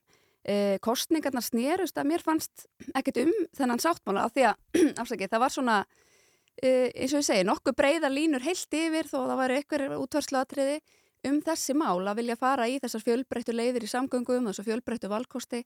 Það var kannski meira að mér fannst húsnæðismálinn þau vóu mjög þungt í þessari baróttu bæði skinnjuðum við það í samtölu við fólk, við sáum það líka bara á mælingum, það var bara mælt ítrekkað hvað skipti fólk mestu máli og þá voru það þessi húsnæðismál og það mun þá skipta máli til framtíðar að við förum í mjög kröftuga húsnæðisuppbyggingu og það er bara góðra gælda verðt og við höfum alveg stutt það að, að við höldum áfram að þjætta en mm -hmm. við þurfum kannski að horfa á einhverjanu svæði líka og gæta þess að vera ekki einstrengingsleg og, horfa líka á Kelnalandið sem er spennandi uppbyggingarsvæði Þannig að það er svona alls konar í þessu en mér fannst líka sko breyðu línutnar í niðurstöðinu vera þær að, að þeir flokkar sem töluðu fyrir breytingum þeir náðu góðri svona náður nokkur breyðum stuðningi. Og þegar tala var um breytingar þá var þetta helst verið að tala um emitt húsnæðismálinn, það var verið að tala um leikskólamálinn, það var verið að tala um bara þjónustuna við fólki í borginni, umhyrðu borgarinnar, svona nokkra þætti, þannig að mér finnst það að vera meira breyðu línutnar. -hmm. Einar, þú ert auðvitað ekki einn, þau eru orðin fjögur í, í borgstunaflokki, framsunaflokksins og, og þetta er allt nýtt fólk, það er áralegi eitir Skumustóttir, Magnegna og Jónsdóttir og aðastættin Haugur Sverresson sem kom aðna inn með þér mm -hmm. uh, á meðan að bæði, ég vil segja óða að segja, að bæði borgstunaflokkar, samfélkingar og, og sástaflokks eru já, fólki ansi vel kunnir, það eru til dæla litla breytingar á þeim listum. Uh, í fyrsta lagi kannski á hvað, hvað áherslu leggur þitt fólk sem er ekki þú, heldur hinnir á einhvern veginn í þessum viðræðum sem framöndan eru og skiptir ekki máli hvað fólk er á listunum þó að þetta er allt auðvitað mjög gett þetta fólk en, en skiptir ekki máli svona, já, hvort meginn þið haldið að samstarri gangi betur bara personur og leikendur? Jú, ég held að það skipti auðvitað máli. Uh, ég er ákvæmlega þakkláttur fyrir að hafa uh, verið á lista með þessu uh, fólki. Ég held að kjósendur hafa kynst þessum frambjóðandum vel í kostningabaróttunni og mjög hæft fólk með ólíka reynslu. Þarna er til dæmis yngsti kjörni borgarfulltrúin, Magna Agná í þriðasæti. Framsókn hefur treyst ungu fólki, framsókn á yngsta þingmannin og, og yngsta borgarfulltrúa núna og hún tala mjög skýrt fyrir áherslum ungs fólks mm -hmm. Þó að þær séu nú mjög fjölbreyttar líklega eins og eldra fólks. En uh, ég hef bara fengið skýrt umbóð frá mínu fólki til þess að, að fara í meiri hluta viðræður og, og hérna en eins og, uh, eins og Hildur var að segja og, og reyndar dagur líka uh, það er alveg rétt að, að, að það sem Dagur segir um, um þessa svona breyðu uh, línu varðandi stuðning uh, almennings við, uh, við þau stefnu sem að, þá stefnu sem að, þessi meiruluti hefur uh, uh, starfað eftir þar að segja öflugar almenningssamgöngur og, og, og þéttingu og, og það allt saman. En, en við heyrum líka og það er rétt sem að Hildur segir er að fólk vil líka fá uh, uppbyggingu í öðrum hverfum og nýjum hverfum uh, og breytingar. Þetta er það sem við buðum upp á og, og framsók setti sig einfallega í þá stöðu við hlustuðum á íbúana í borginni og uh, sko, þessi kultúr að vera annarkort á með eða móti borgarlínu, með eða móti þéttingu uh, ég meina við buðum bara upp á þennan skynsama valkost það þarf að gera bæði En er þetta að gera allt fyrir alla? Er það raunhæft? ég, ég held að sé bæði gott markmið að geta kert fjölskyldubílin um, um borgina og tekið strætó þannig að það er ekki skynsalegt að vera bara með og móti einhverju. Það þarf að gera hvort tveggja og uh, við tölum mjög skýrt um það. Við viljum breyta stefnu uh, núverandi meirulhuta eða fráfarandi meirulhuta uh, hvað varðar svona ímsar áherslur og við tökum bara það ákall borgarbúa með okkur inn í þetta samtal. Og ég held að, að, að allir sjáu það að, að nú er bara, það er kosið á fjórar á fresti þessi meiri hluti fjall með tveimur mönnum og það er ákall um breytingar uh, þannig að uh, þeir flokkar sem að mynda næsta meiri hluta, sama hvað flokkar það eru, þeir hafa núna aukt blað til þess að skrifa á uh, verkefnarlistan og forgangsröðun fyrir næsta kjörtímabil og, og það er bara mjög mikilvægt að, að við hlustum á borgarbúa og eða svona reynum að, að lesa í þessa stöðu og mynda meiri hluta utanum mál sem að skipta borgarbúana mestu. Mhm. Við erum að tala um þessi húsnæðismál, sko, eina talaði um það hérna í morgunblæðinu fyrir kostningar að, að hátt húsnæðisverði í Reykjavík sé að, mestu tilkomið vegna stefnu einmitt e, síðasta meiri hluta, borgarstjórna meiri hlutans. E, Dagur, ert þú tilbúin að breytum kurs í þessum málum? Ég held að einar hafi verið að kalla eftir uh, eins mikill uppbygging og þyrti og uh, það er nú bara svo stefna sem við höfum reykið. Við höfum brúðist við þessum miklu vendingum sem hafa orðið á húsnæðismarkaði, kannski verið í ákveðni sérstuðu meðal sveitafélagi því. Uh, önnu sveitafélagi hafa vísa til þess að þau hafi hvorki það er byggingarheimildir eða, eða land sem, sem þurfi og það er að vissuleiti rétt en, en við búum að því að hafa unnið í hægin og getum þessuna, gátum þessuna spilað út meiru. Nú er reyndar að störfum og er að ljúka störfum jáfnvel í þessari viku uh, hópur sem að ríkistjónin setti á laginnar með þáttöku sveitafélagi verkefli sefingar og fleiri um þessi húsnæðismál. Þar er húsnæðis og mannskistofnun inni með uh, og ég á vona því að koma einhverja greiningar frá þeim uh, og, og það er svo sem ekki launungamála, ég hef talað fyrir svona hugsunum húsnæði sáttmála uh, og fleiri hafa gert það meðal annars uh, einar og framsunarflokkurinn og, og, og hugsunin með því er að, er að við, við sjáum eitthvað svona hildarmynd fyrir landið allt, sjáum hvað uh, hérna, þarf að byggjast á, á höfuborgarsæðinu, hvað er raunhæft að hvert sveitafélag taki á sig en, Mhm. en ég verið opaslega skýr í því að, að mér finnst þegar kemur sérstaklega svona þessum félagslegu þáttum og uppbyggingum með stoppframlögum og, og félagslegum íbúðum að nágrannar okkar megi nú hérna gera líka sitt. En, en ég held að sé algjör, algjör samstað með þeirra sem voru að fara genum þess að kostningaborta að Reykjavík verður áfram í fórust í húsnæðismálum. Það var eitthvað svona verið að velta fyrir sér tölum og umfangi því á endanum kannski ráðum við ekki öllum hraðan á þessu, það eru, það eru lánveitendur, það eru ríkistjórnum með stoppframlög og svo framvegis en, en mér finnst mikilvægt að standi alls ekki á Reykjavík í þessu. Loka spurning, er komin uh, staðsætning og tími fyrir fundi ykkar á milli í dag? Segið bara heiðala. Já, nei, ég, hérna, ég hitti nú dag í, á stöð 2 í ger og, og ég, hérna, við ákvaðum að hittast aðeins og spjalla e, í, í dag. Já. En mér langar líka að ræða við Hildi. Ég vil tala við alla og ég, hérna, ég finnst bara mikilvægt að, að hérna, hafa þetta daldið opið e, samtal núna, þarna í dag og, og næstu daga. E, ég þarf að bæði þótt að ég hafi kynst þessu ágæta fólki sem fjölmjölamæður gegnum árin uh, þá er meira hluta samstarfa mínu viti bara myndað fyrst og fremst á trausti. Það Mm. þarf að vera traust uh, á milli fólks og, og hérna, einlegur vilji til samstarfs. Og þetta eru næstu vinnufélagar til næstu fjögur ára og uh, flokkarnir eru ímiskonar, það er einmitt eins og þú varst nú að tala um, um fólki á lista eh, framsóknar. Eh, það þarf bara að meta þetta svona daldi heiðarlega og, og ég er nýri í þessu og ég ætla að gefa mig tíma til þess að, að fara inn í þessi samtöl og uh, ég bara hlakka til þeirra Hildur, hefur þú átt einhverja fundi með ótvitum annara flokka?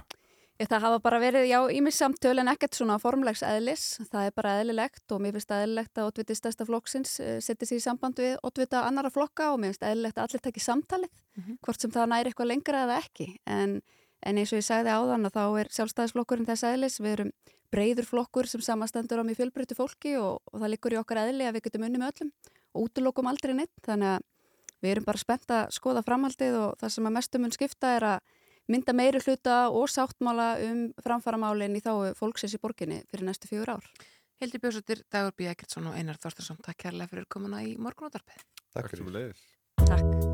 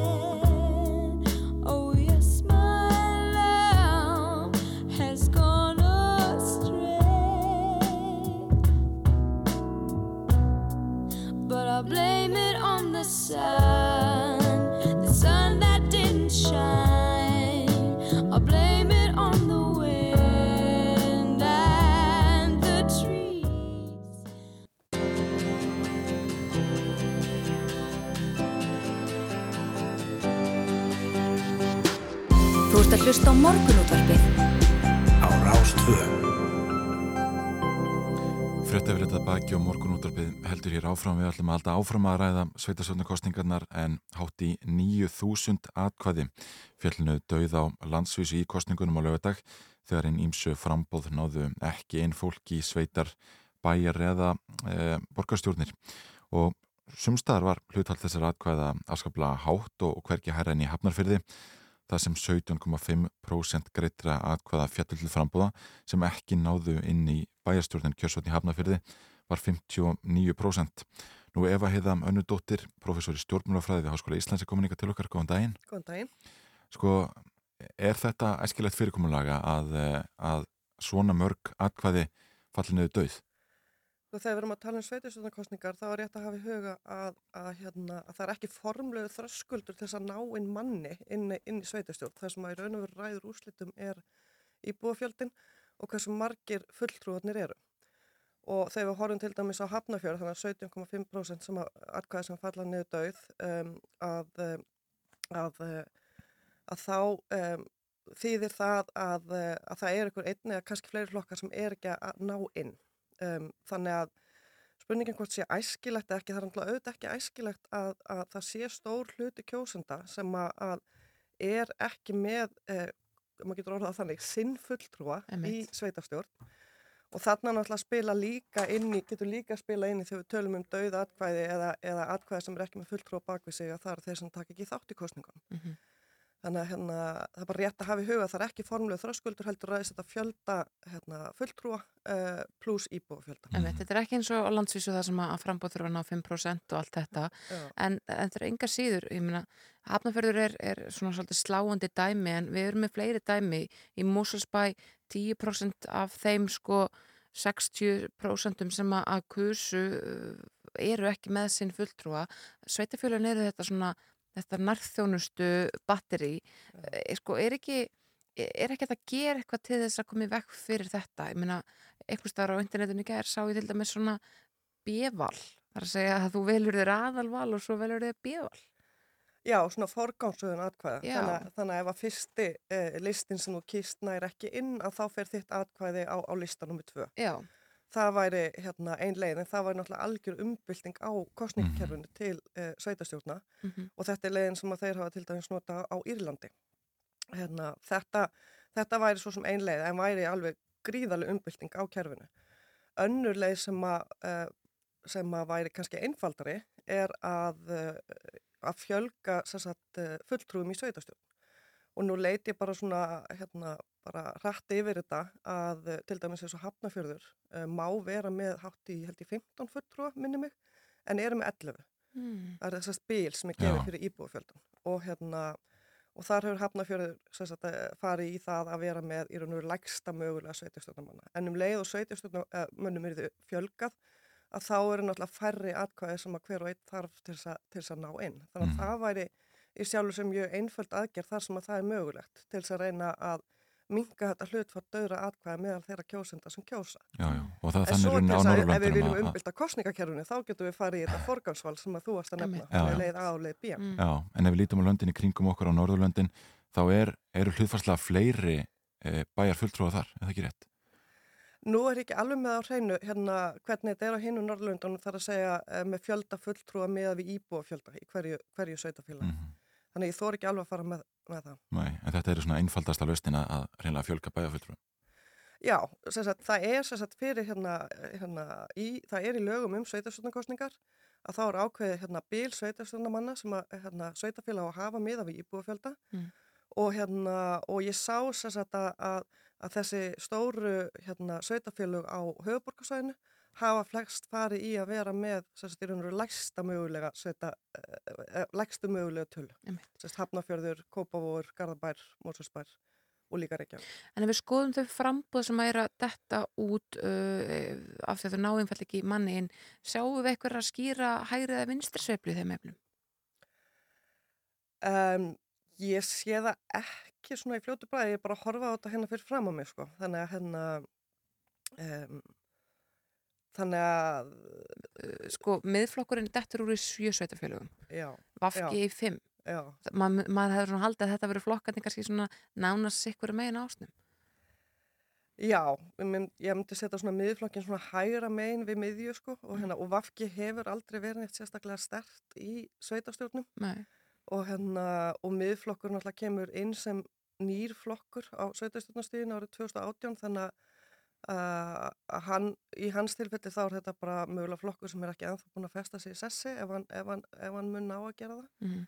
Þannig að ég, ég, held- ég meina þessi flokkar eins og þú bendur á eru ólíkir. Er, hérna, þannig að það er ekki kannski hægt að segja byggt á þessu að segja ykkur vinstri að hægri sveifla í hverju dett út uh, í sveitafélagum. Við sjáum líka að píratar er ekki að ná inn á mörgum stöðum eða einhverjum stöðum þar sem að þeir eru að bjóða fram en þeir eru held ég ekki að bjóða fram í, í mjög mörgum nei. uh, samanskapi.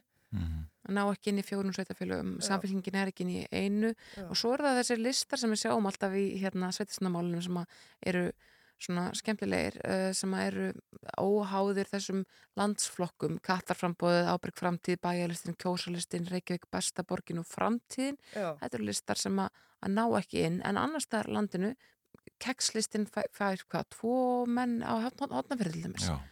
Já, ok. Þannig að það er ýmislegt sem að, já, svona ýmislegt sem kom upp úr kössunum allavega. Já, já. Sko- og í þessum minni sveitafélagum að þá getur maður alveg ímynda sér það að þarna auðvitað skiptir hérna, þeir sem eru í frambói gríðarlega miklu máli. Mhm. Nú þekki ég ekki til kekslistan sem er mjög nafn. en þá getur mögulega einhver verið að leiða listan sem að bara höfða vel til þeirra sem að búa í því sveitafélagi. Já, Mhm, einmitt. Þetta er mjög forðanlegt. Um, Eva Heiða Önnundóttir, takk kærlega fyrir komin í morgun. Já, takk fyrir mig.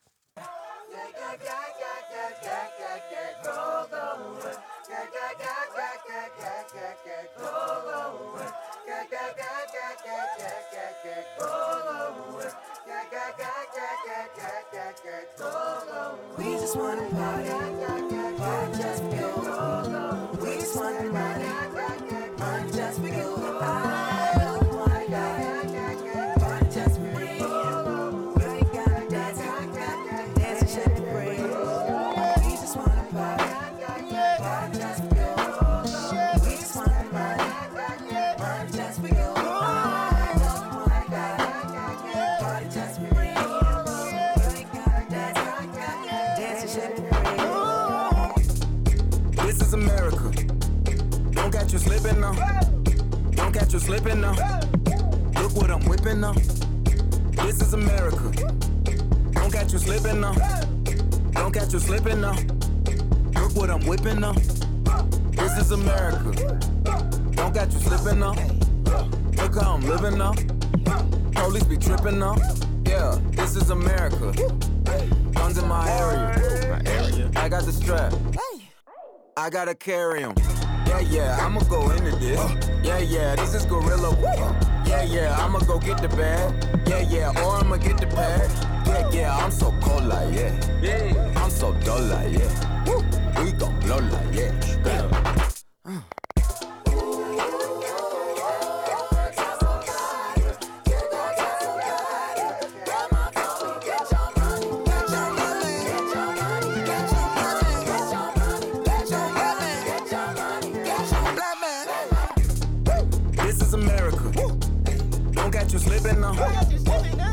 Slipping now.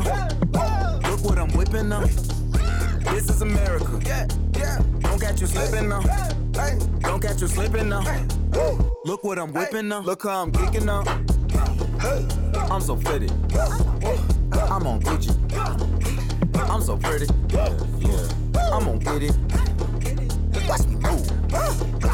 This is Sally. That's a tool. Yeah. On my Kodak. Black. Ooh, know that.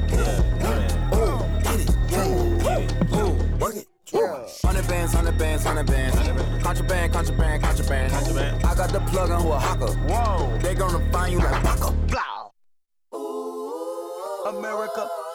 I just checked my following listen. You motherfuckers owe me. Get your money,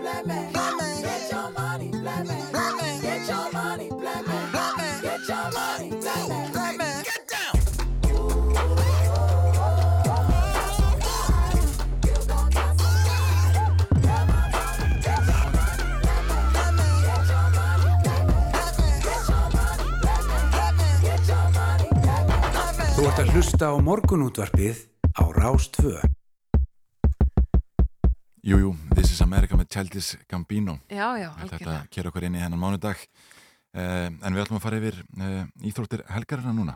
Já, Einar Örn Jónsson, íþróttafréttamaður, er komin til okkar. Getum við byrjað að síkinu eða? Já, ég held við verðum að byrja í, í, síkinu. Það var eitt og annað að gerast um helgina en, en gerðkvöldið held ég bauð okkur upp á mestu veisluna. Ég hef aldrei séð við líka kvörbáttaleg. Það var sko háspenna lífsætta frá myndu eitt. Já, og hann bauð upp á, upp á allt. Það er svona þumalputtaregla í, í að segja, íþróttum sem er mikið skoraði, gildi svo sem alveg fótbolta líka. Já. En að þú getur átt svona mælt einföld gæði leiks bara í því hversu oft fórustan fyrir á milli liðana. Mhm. Það er svona merki um að leikurinn hafi verið spennandi og jafn og, og áhugaverður. Og við fengum alls konar útgáfur af því í, í gær, tindastótt var með þetta í lokvennilegs leiktíma og þá skora valsmenn tvær þryggjastega körfur Mm. í blálókin þessi setni var náttúrulega ennþá ævintyrilegri upprunlega skotið á varið, fær boltan einhvern veginn aftur, Já. hendur nú bara eitthvert Já. spjaldið honi jafnar og framlenging valsmenn sem betri í framlengingunni yfir eiginlega allan tíman eiga lokasókn eða henni meintu lokasókn en Pétur Rúnar Birgisson stelur að sjálfsögðu innkastinu frá val og skora sig körfuna úr Já. ræðaplöfi Sko, er heilbritt að fylgjast með þessu? Er, er spennan ekki of Ég mikið? leið ekki eins og ég var í Nei, ég meina í hjarta þarf aðeins að fá að, að taka á Að því, á því líka Já, já, það er rétt. það er enginn sem segir þessi óheilbritt að fara út að hlaupa eða Nei. að fara í rektina af því að, af því að hjartslátturinn fer svo mikið. Þetta var svakalegt, en sko, er ekki ótt að segja að það pínir fólki komið á óverum hvað valsmennum voru sterkir í gær á þessum velli. Jú, Valur ekki gengið vel í síkinu Nei. og það hefur reyndar fáum líðum gengið vel í síkinu Það líður engum vel hann einhvern veginn með alla svona yfir Nei, sér. þetta er svona grifja, þetta er gamaldags íþróttós með svölum allan ringin og þá búið að setja upp stúkur fyrir aftan körfurna líka, þannig að þetta er rosaleg, rosaleg grifja og, og skapfyrðingar allir sem hafa nokkuð mann komið í skagafyrir vita að þeir eru hávart fólk Mhm. og, og, og toppuðu sig algjörlega í, í gær en Tindastóll er ekki búin að tapa leiki í úrslitakefninni á heimaðalli Nei. þetta var núna 15. sigurleikurinn í 18 heimaleikjum á þessari leiktíð Þannig að kannski svona fyrirfram kemur ekkert rosalega mikið óvart að tindastóll hafi unnið heimaleik í, í úrslitakefninni. Nei. En hvernig þeir unnið þennan er eitthvað svona aðeins meira. Þetta var svolítið, þetta var svona þraut, segju, sigur og, og seglu baráttu djöfulgangs Já, já. sigur, eða afsakið orðbræði. Já, já. Var nú talað um það í fréttum hérna fyrir svona mánuði að mikilvægi heimavallarins væri mjög stórlega íkt, Já. það ákvæmst ekki við þessu tilfelli. Nei, þetta er alltaf sko, þú veist, hvað er þetta að skoða langan tíma? Og ef þú skoðar, eins og við tókum saman þá, þá voru þetta áttaliða og undanúslitin í þessum boltagreinum okkar og fyrstu leikirnin í, í fótboltanum líka og heimavöllunum var bara ekki að skila, skila neinu.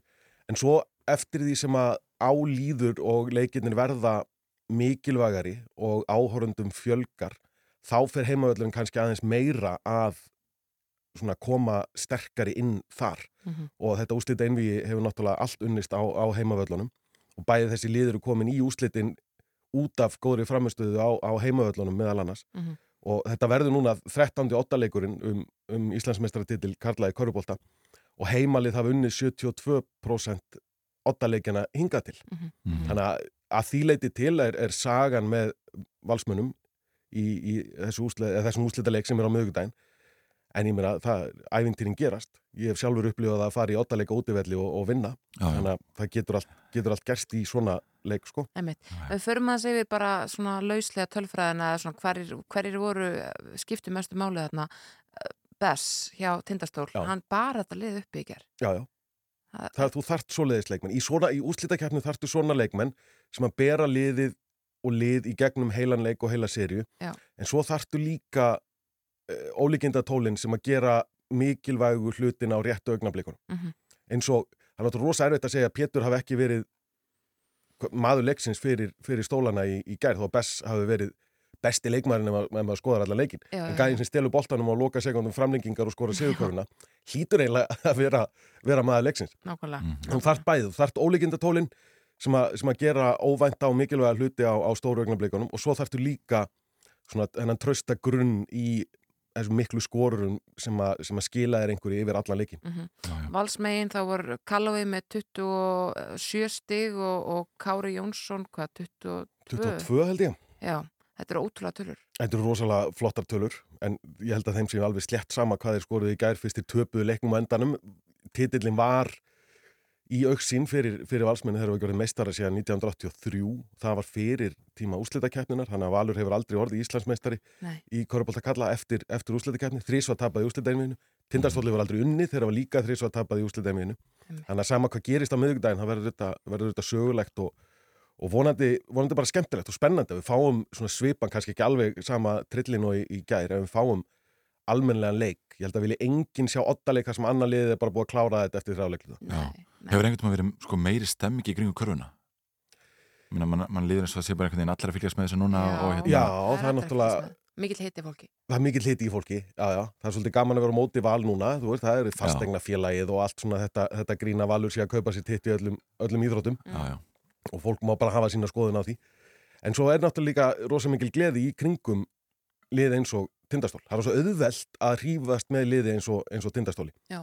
Frá bæ sem að hefur kannski ekki skilað miklu á íþróttasviðinu nema þessu kallaliði í, í körubólta í gegnum tíðina aldrei náð samt að vinna, vinna titilin þó þeir hafi verið með mjög góð lið núna yfir, yfir.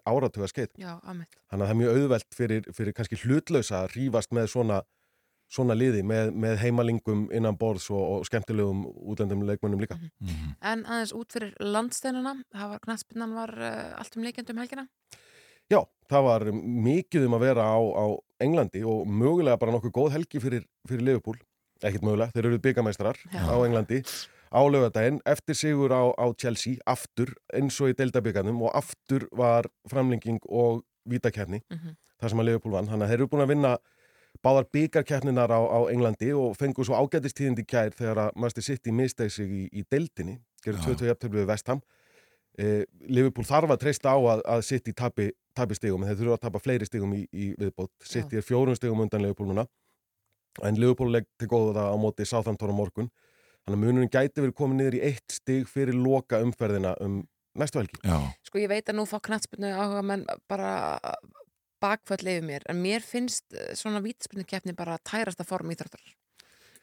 Það er einhvern veginn aldrei jafnir. Já, ég svo þetta er sko, íþróttir eru svo margslungnar. Það er ekkert alltaf sá hæfileika ríkasti sem að vinnur. Nei. Og það þarf ákveðin svona andlegan styrk til, a, til að vinna í íþróttum. Maður sér þetta oft í muninum á, á dildakeppni, úslitakeppni eins og í korfuboltanum og, og handboltanum.